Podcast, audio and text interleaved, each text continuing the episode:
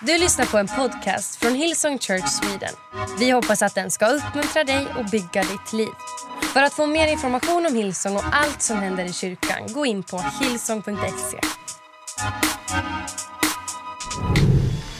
Hello. What a privilege.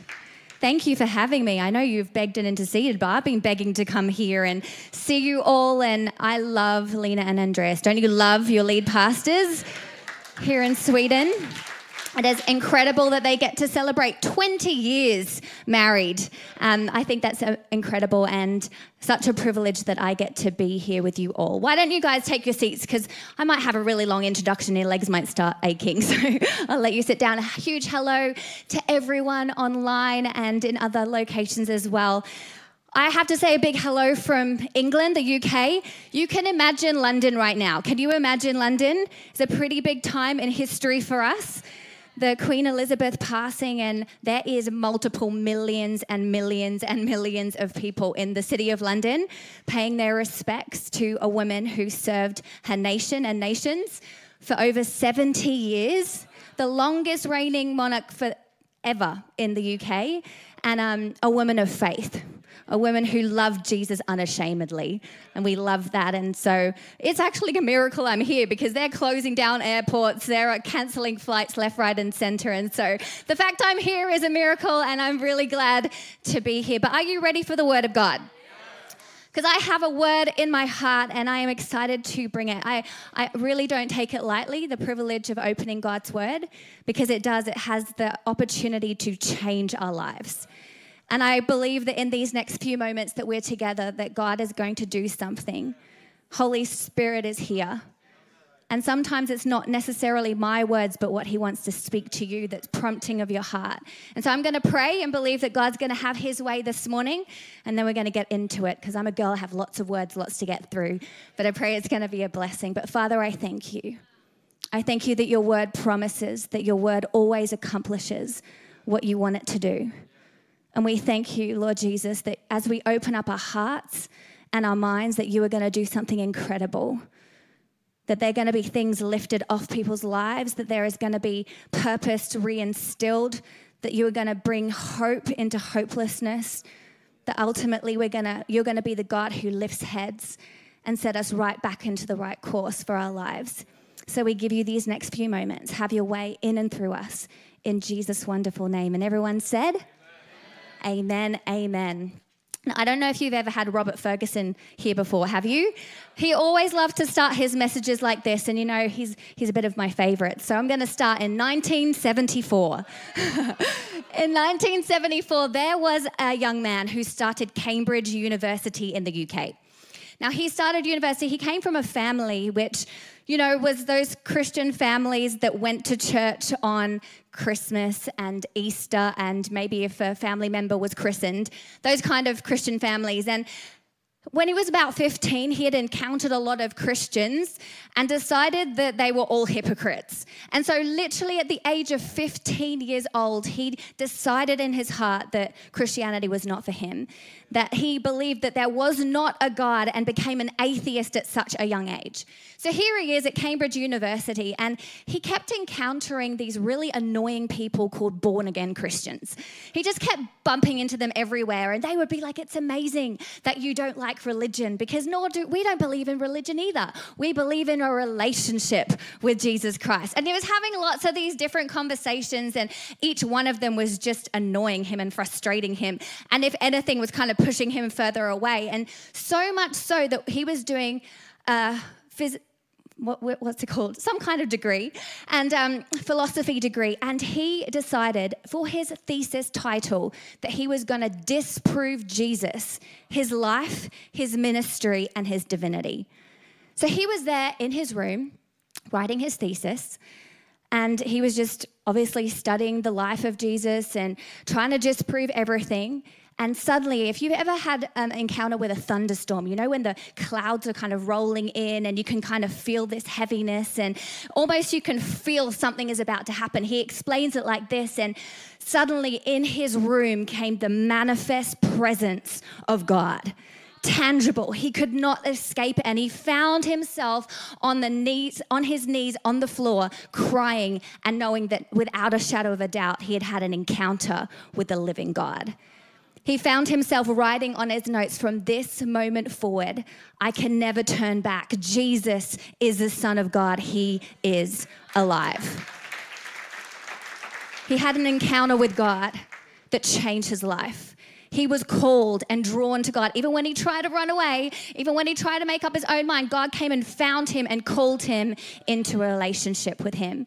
I think there are so many in this room, online, and in other locations that we know we are called first and foremost into a relationship with Jesus Christ. It talks about in the Bible, he puts eternity in our hearts, this craving, this desire that what is this life for? There has to be more than this. It's because we are created to be in relationship with the King of Kings and Lord of Lords. He calls us to relationship, but he also calls us with plans and purposes and destiny. It says in Ephesians 2, verse 10, that we are God's handiwork, created in Christ Jesus to do good works which God prepared in advance for us to do. There is no accidents. Before you were even a thought in your parents' mind, God dreamt you up, put you on planet Earth with skills and measure and purpose. We are called for relationship, but we're also called with purpose. And so the title of my message this morning is The Call. I want to unpack maybe some of this, this calling that we have because sometimes I think, you know, I've grown up in church my whole life. Sometimes a calling can be like, okay, what uni degree am I going to have? What job am I going to have? Am I fulfilling this calling? But calling is everything. It is everything that we are called to. The whole Bible is full of, firstly, loving God with our heart, mind, soul, and strength, loving our neighbor, living as according to his principles within the world. There is lots of principles and callings that God calls us to corporately as the church, but then there's specific assignments to individual people. There's things that are called to for seasons, for longevity of life. There are lots of different things that we're called to steward in life. We all have a calling. Now, the person in the Bible that we're going to unpack his story was Jonah. Now, he had a very specific calling. We find it in Jonah chapter 1, verse 1, and this is what God said to him. He said, Now the word of the Lord came to Jonah, the son of Amittai, saying, Arise, go to Nineveh, the great city, and cry out against it, for their wickedness has come up before me. He had a specific calling at a specific time arise and go to Nineveh. Now, there's five things I want to unpack really quickly before we get into this about our calling that maybe we can find in Jonah's calling because sometimes our calling can look different to everyone else around us. You know, Jonah, he had contemporaries. He was a prophet at the time of Israel. There was other prophets you might have heard of Amos and Hosea and they were speaking and declaring the word of God because you know the Israelites, they kind of always got themselves into trouble. They would be like we're, we're here and we're serving you God, but oh, we're just going to be rebellious and go over here. Okay, we're here again. They constantly needed to be reminded how to live and how to live according to the purposes of God. So there's Jonah and his contemporary prophets doing what they were supposed to do in the nation of Israel. But suddenly, God calls Jonah out of Israel to go to Assyria, a whole different nation. In fact, a nation which was at odds with Israel. His assignment looked very different. I wonder when it comes to what you're stewarding right now, or maybe you're feeling the prompting of your heart. Maybe it's different to those around you. Maybe you're watching everyone get married and have children, but right now in this season, maybe not forever, but God's giving you the grace to do the single life well. Maybe you're watching everyone else in their business and their careers going forward and, you know, having some kind of purpose and plan for the next 10 years of their life. But for you, you're starting to get this, this prompting that maybe you need to go back to uni and study and change directions. And you're like, oh, I don't know if this is right. It looks different. Maybe it's like after COVID, everyone seems to be going back to where they came from and to their parents' place and be close to family and changing their priorities. And maybe God's in this season saying, I want you to stay planted. It can look different. Sometimes our calling looks different. The second thing is sometimes it can look difficult, it can be a challenge. You see, Jonah was called, as I said, to Assyria. Now, Assyria and Israel were enemies. In fact, if you know the history of the Assyrians, they were known for their barbaric, atrocious ways of having war. In fact, if you read, commentators think that Jonah's place where he came from, his family, had probably been impacted, maybe even killed and murdered by the Assyrians. And he had to go to this place that was not his home, that was his enemy, who had maybe even done things against his own family who he loved, and speak grace and speak mercy and speak God's love. This was a difficult assignment. I wonder sometimes whether God's calling us to do things that are difficult. Maybe to forgive someone who's really hurt us. Maybe to step out in faith financially and not knowing what's the other side. Maybe it's a step out in boldness and something you really don't know. Do I have what it takes? Sometimes the assignment is difficult. But can I just remind us that we have a God who says, and we say it all the time, Ephesians 3:20, he'll do more than you can ask, think, or imagine. And so, if we are to do more than we are think, or imagine, it's probably going to be a little bit challenging because we're not called to do it in our own strength. We're called to do it in His strength. He's not the God of the possible, He's the God of the impossible. And He empowers us, He enables us, He graces us to be able to do it. And so don't shy away from the difficult because that's right where God's going to find you. Sometimes it's different, sometimes it's difficult, sometimes it just plain doesn't make sense. I remember a few years ago, it was when I was about to have my third child. We had a really small car and it was about to be the third car seat in the back row. And I literally, another seat could not fit between my other two children. So I had to do the upgrade. And I, the car was not great. It was it worked, but it was it was awesome. But I was thinking, okay, I'll just trade it in and get a little bit money back, and then you know upgrade to the next car for the family. And as I was thinking all these things through, I just felt the Holy Spirit say to me, "No, I want you to give the car away."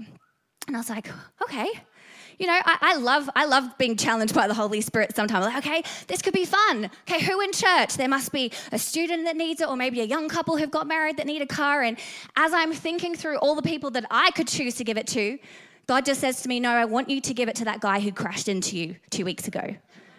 And I was like, What? He was on his phone. He crashed into me. He was really rude in that moment. And I, I had obviously his details for insurance and the car had been fixed, but he's like, no, I want you to call him up and I want you to give him your car and I want, to tell, I want you to tell him that God loves him and sees him. It didn't make sense to me. but you know I love about God is that he sees the whole grand plan the whole picture. And sometimes all we're holding in a hand is a tiny puzzle piece. And it, you look at it, have you ever done a puzzle and you're kind of looking like, I have no idea what this is, where it goes. But as the pieces of the puzzle start to get put together, what a beautiful picture it is creating. Sometimes we just have to be faithful with the piece of the puzzle that we're given. Jonah, he was part of the puzzle that he could never have imagined that in the New Testament there would be Jesus Christ who didn't just come for one tribe and one nation. He came for all people of the whole entire planet, not just the Jews, but the Gentiles too, that whomsoever may come to him. And that this moment when jo- Jonah got to spread the goodness of God's grace and mercy to another nation was just a foreshadow of the greater plan that God was going to bring on planet Earth.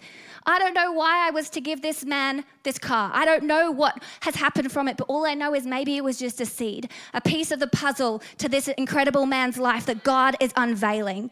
Are we faithful with our piece of the puzzle, even when it doesn't make sense?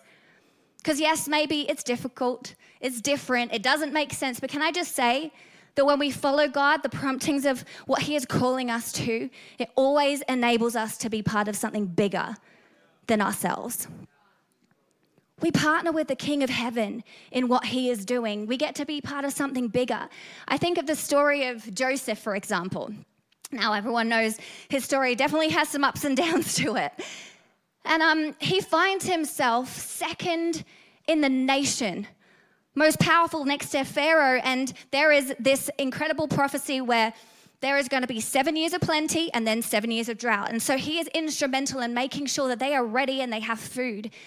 Now, if you fast forward to the end of the story, you see that his own brothers who had sold him into slavery come before him, and he is able to make sure that they have food, that they don't die from starvation in a crazy drought. But you think of the biggest story within that because these brothers were each one of them the tribes of Israel. One of those brothers was Judah who literally the lineage of Jesus Christ came from. And by this man, Joseph, just being diligent with his piece of the puzzle, making sure that he didn't get his heart tainted, that he didn't get bitter, that he stayed faithful to what God had called him to, he was able to make sure that his brothers lived, and so the lineage of Jesus Christ still remained. That we get to be part of something bigger than ourselves. I think about even just Hillsong Church. You know, it's not about one person carrying this off, it is about what we all bring. Just every single person coming in, maybe in this season, you're not able to serve, but you come in this place and you lift up the name of God. You come in with expectation and hope. There are people behind cameras right now and lights and the worship team and the incredible welcomers, and we all play our part. Don't negate the, the part that you play how big or small you think it is, it is significant to God. It is significant to the ones who come in and encounter a God who is for them and who loves them, and it changes their whole eternity. It changes their family, it changes their marriage.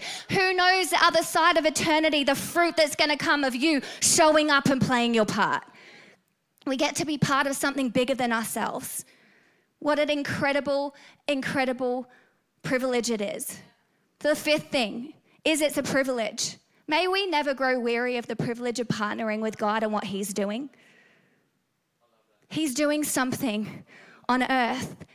The God who is the maker of the heavens and the earth partners with us, allows us to be a part of His story.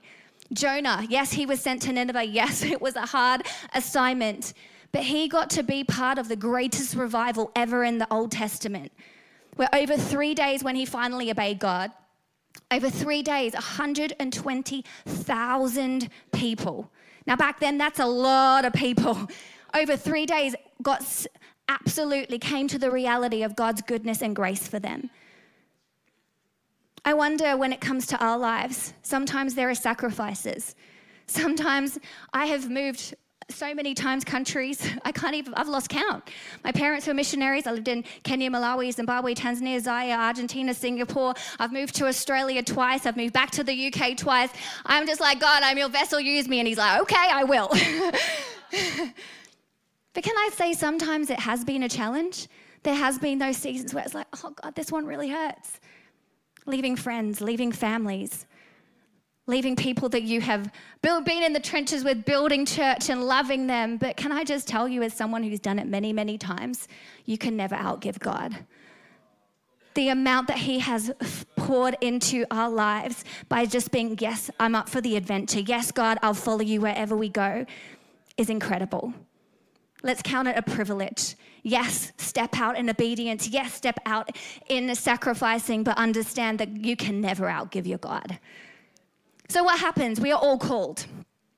And Jonah, he was definitely called and he he had one way of going about being called. This is what he did. He in Jonah 1 verse 3 it says, But Jonah arose to flee to Tarshish from the presence of the Lord. He went down to Joppa and found a ship going to Tarshish. Remember, he was supposed to go to Nineveh, so he's not going the right direction.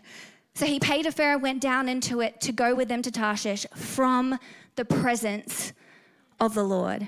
In essence, he ran away. And we can look at this and think, oh, Jonah, you just ran away. But how often do we do that? How often do we have the prompting to go and tell that person we're sitting next to about God? And we don't. That time that we see someone in need or we see something that we can be a part of financially and we're like, well, not today. And we don't. When God says you need to forgive that person or you need to go and speak encouragement of that person and we don't. There are so many times where we run from God. But if you look at Jonah, I think there's going to be something that comes on the screen. He runs in a pretty comical way because he was supposed to go to Nineveh. Now, Nineveh was about 500 miles from where he was, but he literally runs the complete opposite direction to a place called Tarshish. Now, that is a long way to run. It is 2,000 miles in the opposite direction. In fact, commentators believe that this is the furthest point on planet Earth that had been discovered at the time. Now, that is, that is being really diligent to the assignment of running away. He's like, I'm going to run and I'm going to do this good. But what does it say? Why is he running? It says in verse 3 he ran from the presence of the Lord.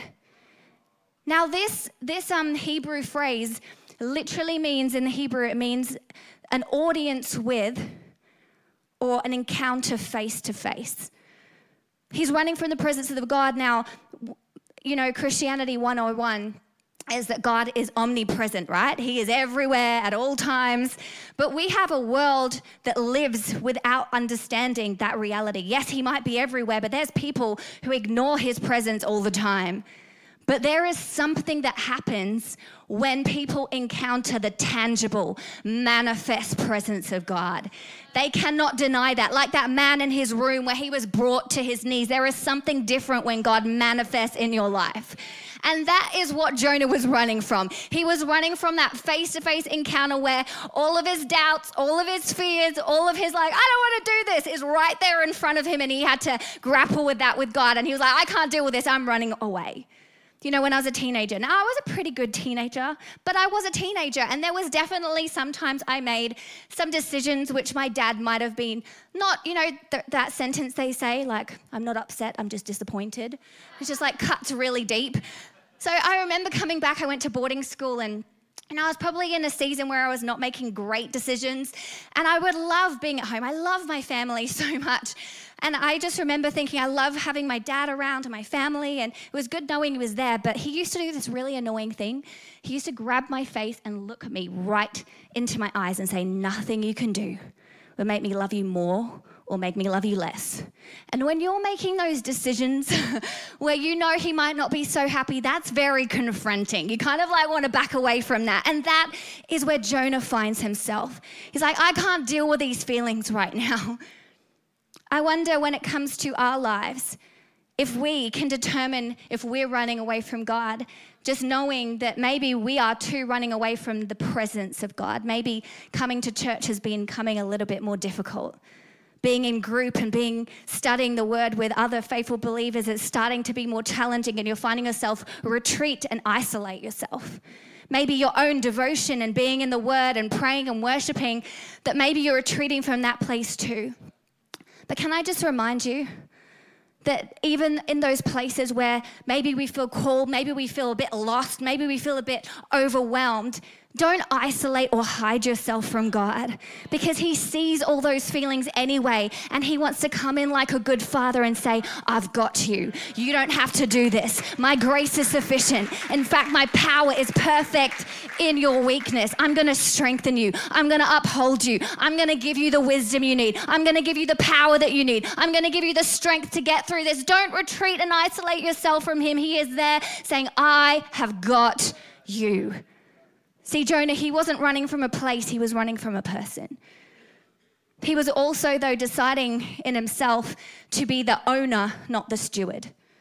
You think sometimes in our lives we take the place of Lord and Savior in our lives and choose, like, I'm going to just decide what I'm going to do. I'm going to make the right decisions. This is going to be great.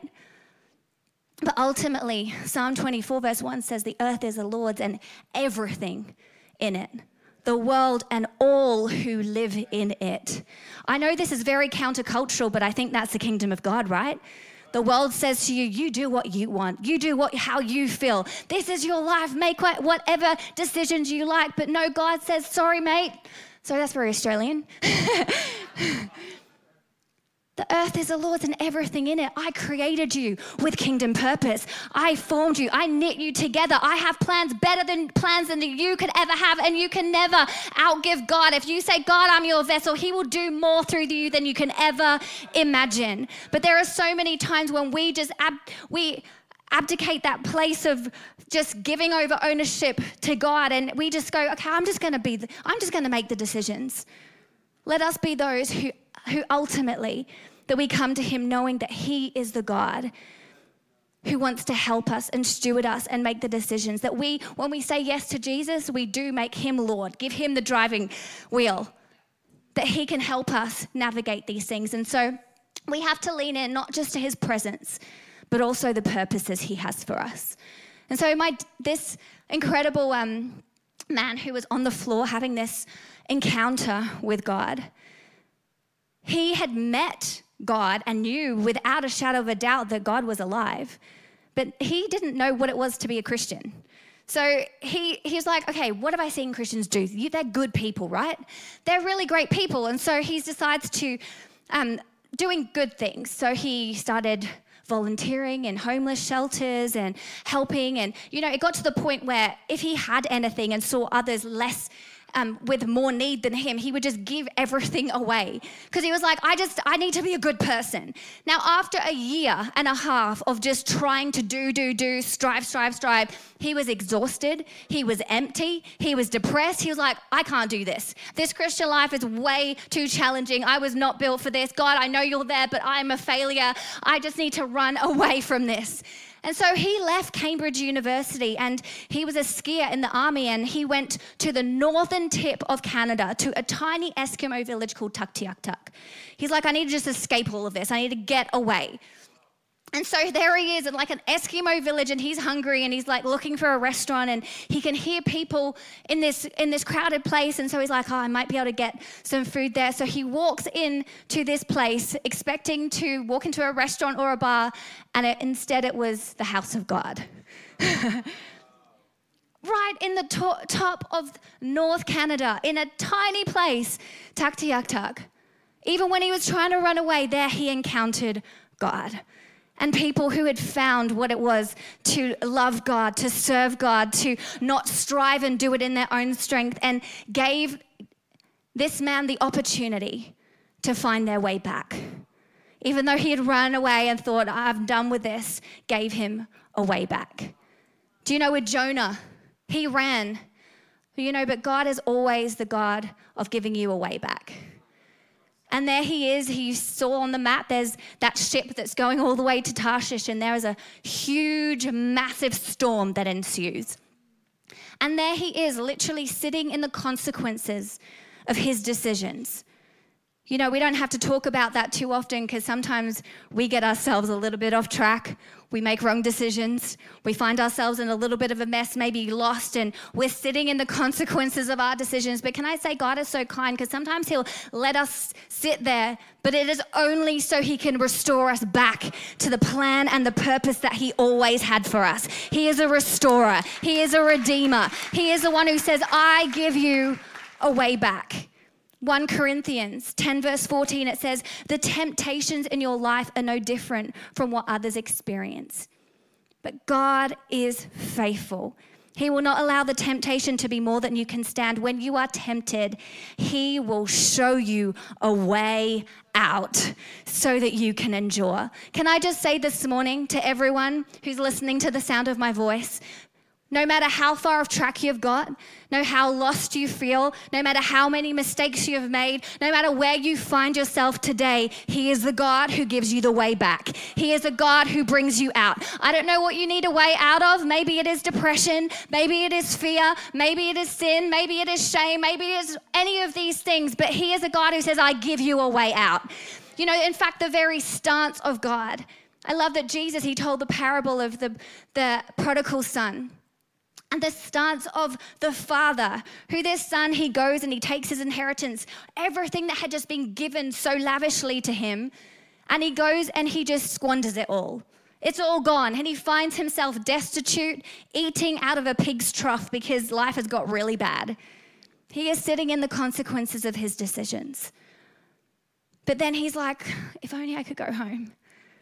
Even if I was a servant in my father's house, this would be better.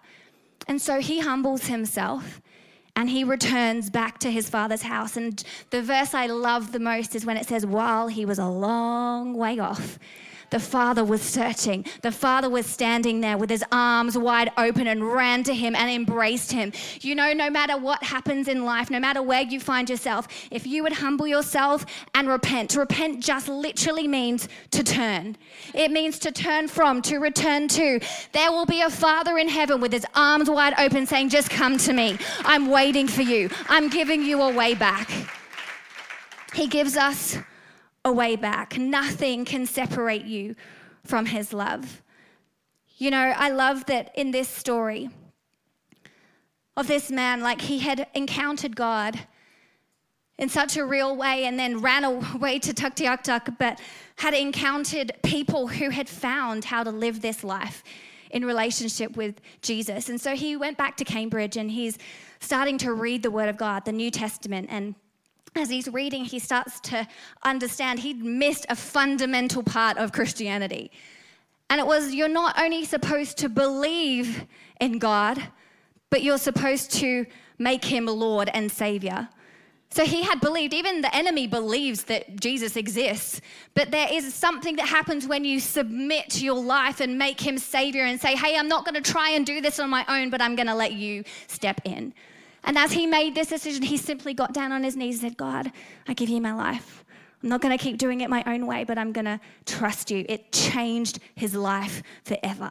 You see, God was a God of the second chance. Even though he ran, even though he messed it up and was like, I don't know how to make this work, God gave him a second chance and it changed his life. Jonah, he was given a second chance. We know that he was stuck in the belly of a whale. It's a crazy story. You should go read Jonah.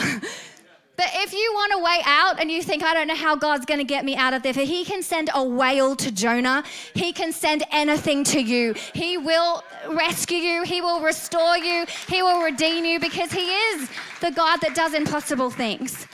And so here we find Jonah back to where he started from. And it says this it says, The word of the Lord came to Jonah a second time. Arise and go to Nineveh, the great city, and preach to it the message I am telling you. It came to him the second time. I love that in this scripture, it reminds us that God is the God of the second chance. That ultimately, here in this, this word, Jonah didn't come back and then said, Okay, you're back in relationship with me, but you need to sit this one out. I'm going to give it to someone else's assignment.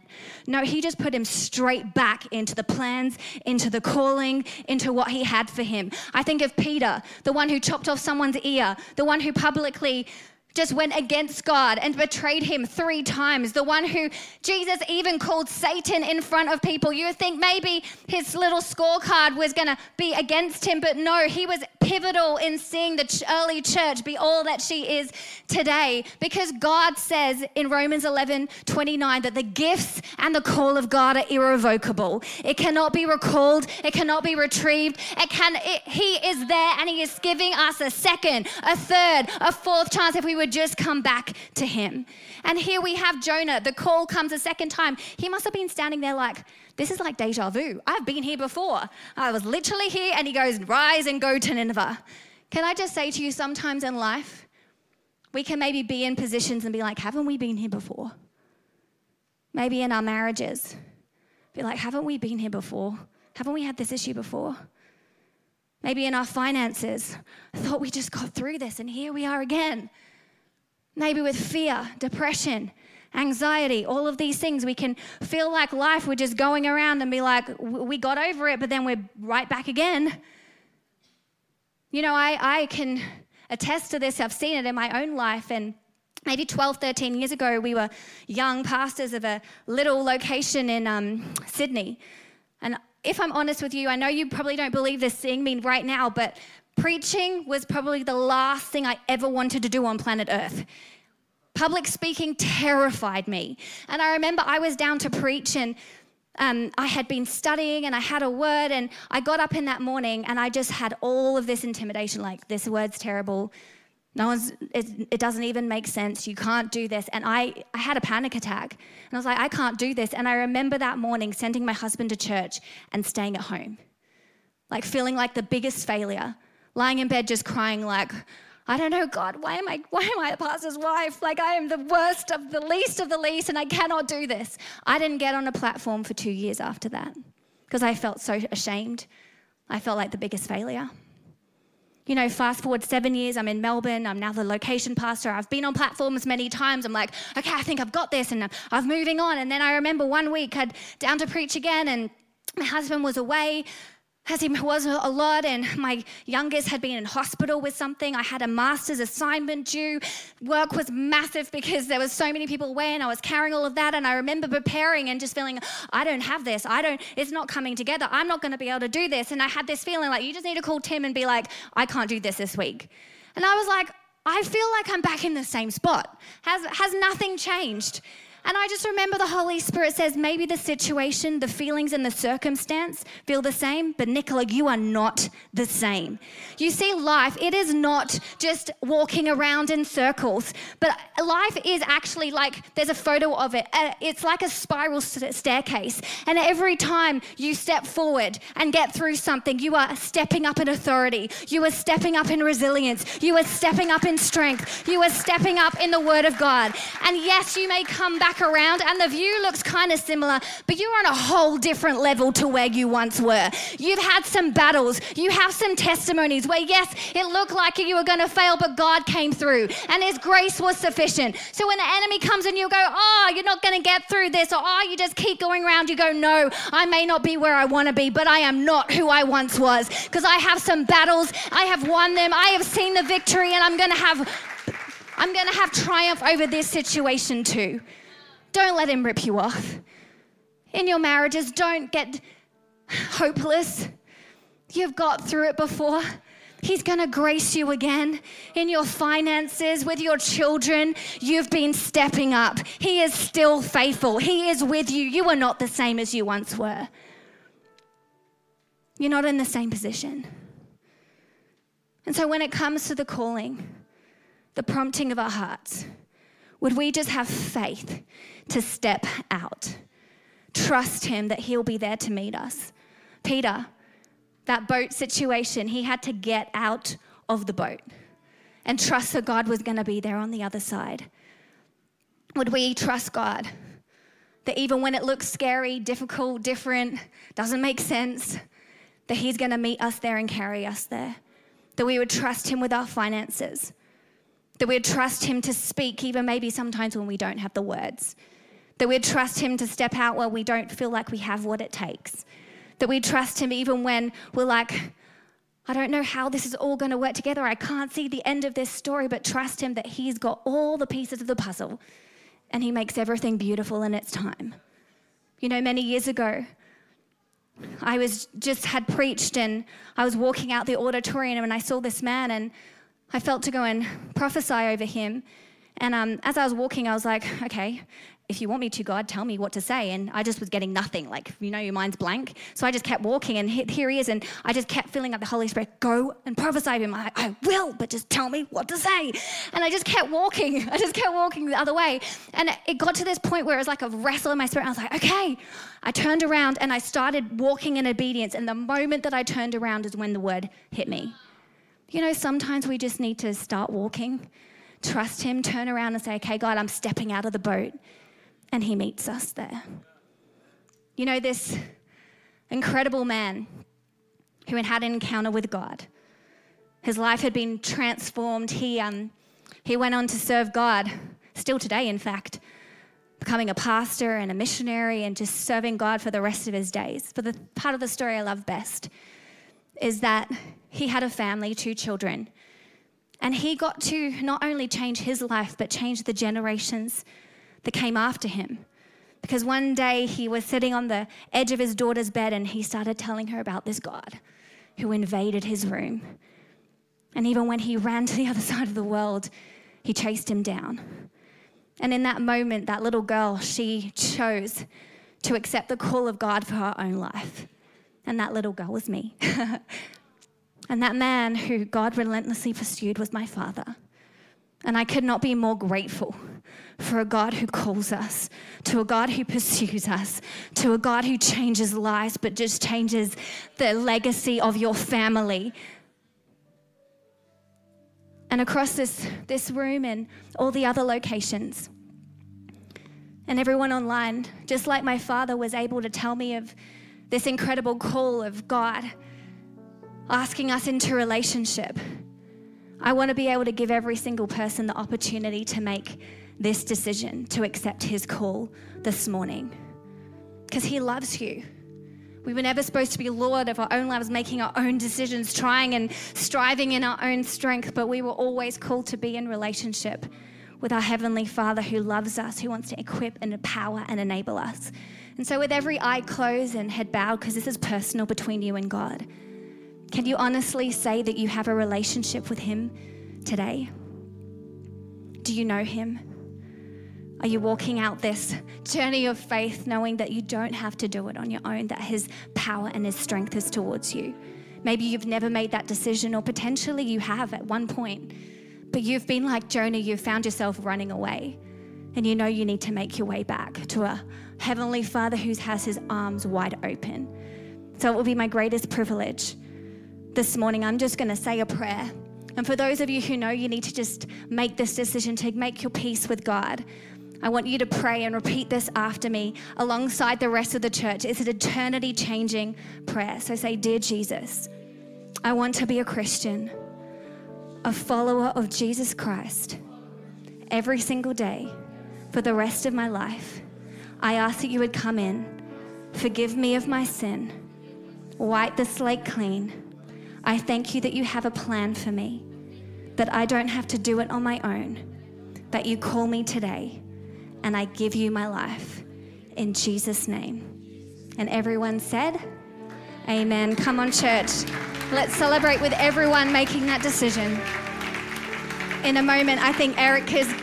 Eric is going to come up and tell you your next steps because this is just an introduction to a life of walking with Jesus. But, church, thank you for having me. Let us be those who don't grow weary in doing good, don't grow weary in following Him. When we make mistakes, let's just get back up, run to Him. He's the God of the second chance. And that no matter how many times we think we're going around, we are not the same people. He has done a work in us. He's given us victories and testimonies, and He's going to continue to be faithful. So let's keep stepping up into all that He's called us to. Amen. Amen. Love you, church. Du har lyssnat till en podcast från Hillsong Church Sweden. Om du vill veta mer om vår kyrka eller om våra söndagsmöten surfa in på hillsong.se.